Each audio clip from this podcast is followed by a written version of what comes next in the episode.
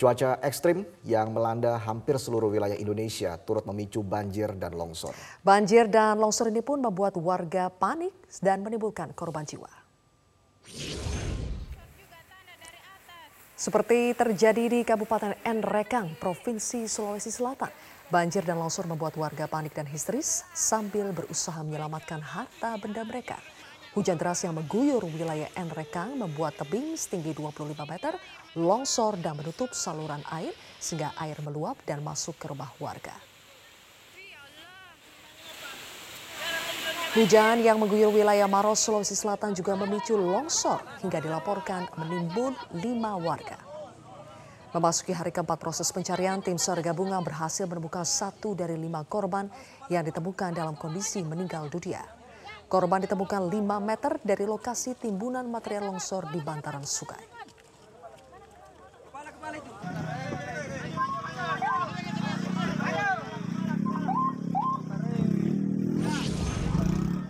Sebuah mobil pickup hanyut terseret banjir di Situbondo, Jawa Timur. Mobil itu terseret banjir saat mengisi pasir di aliran sungai Selowogo.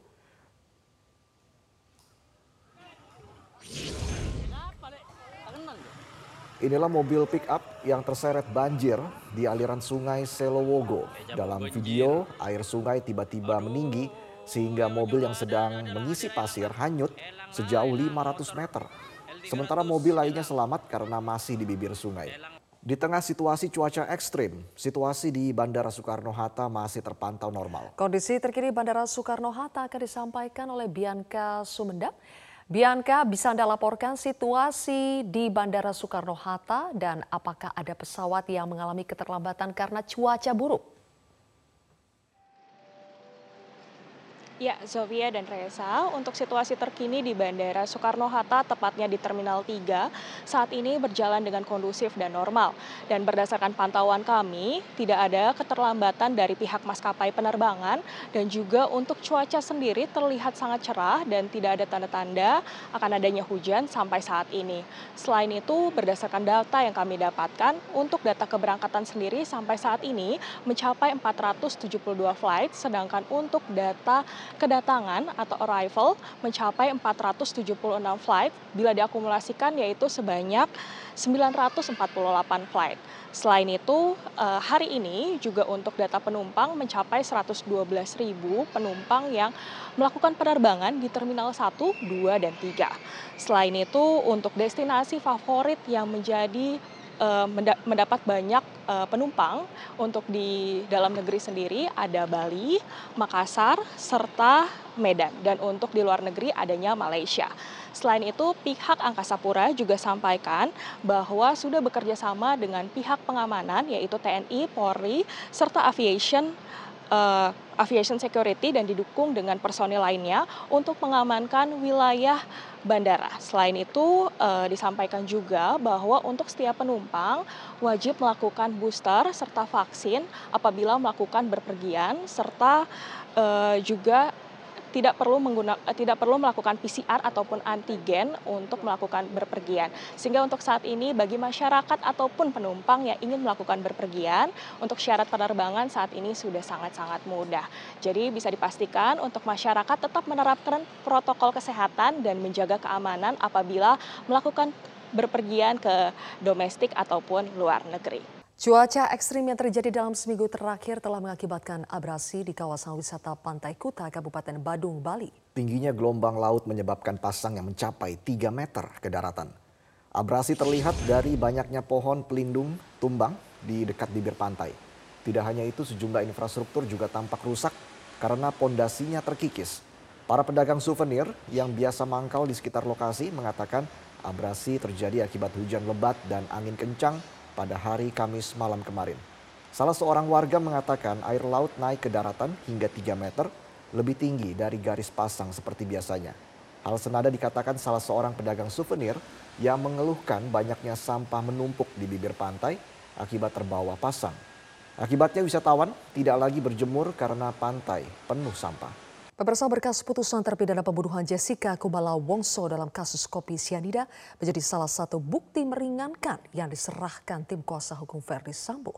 Mereka ingin menegaskan bahwa motif adalah unsur penting dalam pembuktian perkara pembunuhan berencana.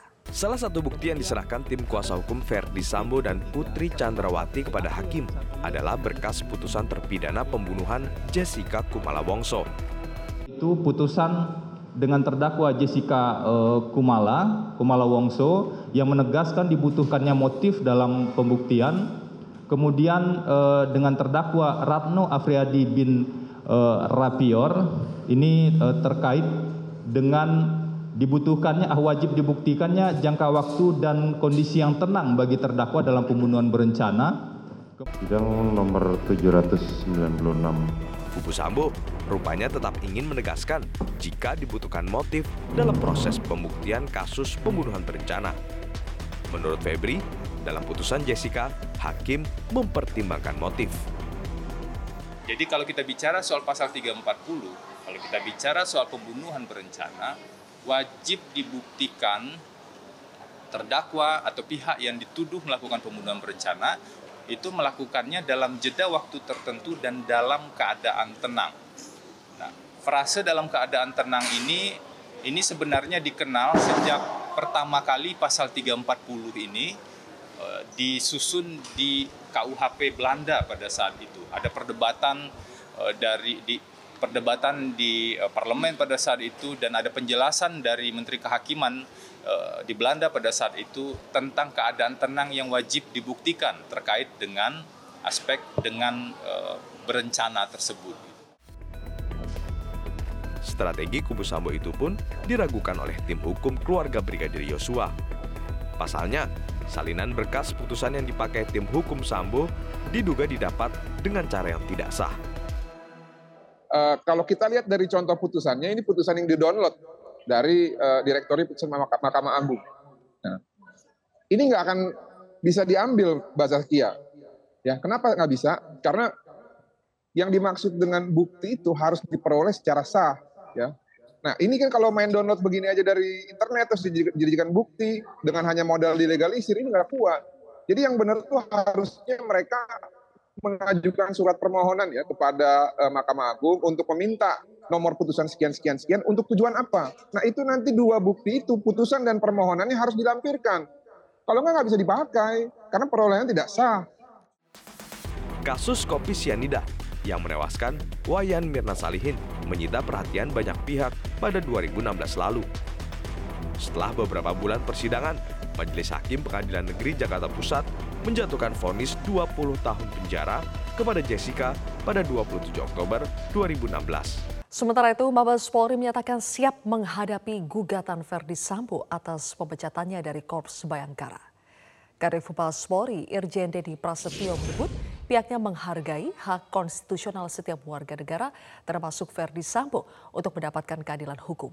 Sebelumnya diberitakan Verdi Sambo menggugat Kapolri Jenderal Polisi Listio Sigit Prabowo dan Presiden Joko Widodo ke Pengadilan Tata Usaha Negara PT UN karena tidak terima dipecat secara tidak hormat. Pemirsa inilah headline news pukul 19 waktu Indonesia Barat. Polda Metro Jaya, pemerintah Provinsi DKI Jakarta dan TNI siap mengamankan perayaan malam Natal pergantian tahun yang diselenggarakan di beberapa titik. Polda Metro Jaya melarang adanya pesta kembang api di sepanjang Jalan Sudirman Tamrin untuk kenyamanan masyarakat dan antisipasi terjadinya kebakaran. 23 ribu lebih personil Mapolda Metro Jaya dikerahkan untuk mengamankan jalannya malam pergantian tahun baru yang diselenggarakan pemerintah maupun pihak swasta seperti di Taman Mini, Jalan Sudirman Tamrin, Ancol, Pantai Indah Kapuk, dan beberapa tempat lainnya. Kapolda Metro Jaya Irjen Pol Muhammad Fadil Imran mengatakan pihaknya sudah mengantisipasi kemacetan lalu lintas di beberapa titik, gangguan kamtipmas sehingga potensi terjadinya bencana alam. Selain itu Polda Metro Jaya juga melarang adanya pesta kembang api di sepanjang Jalan Sudirman Tamrin guna keamanan masyarakat yang merayakan malam pergantian tahun dan antisipasi terjadinya kebakaran. Polda Metro Jaya ini kekuatannya 35 ribu, sepertiga istirahat untuk melaksanakan kegiatan rutin besoknya, dua per tiga akan full total untuk melakukan backup. Mulai dari sepanjang Sudirman Tamrin, ada tujuh titik panggung stage, kita juga sudah siapkan.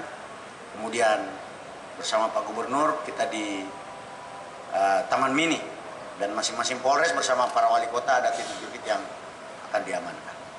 Seperti yang saya sampaikan tadi, kita merayakan dengan penuh kegembiraan, tapi juga harus melihat sisi-sisi kemudaratannya lah, ya. Jadi kami melarang penggunaan petasan dan kembang api di Sudirman Tamrin.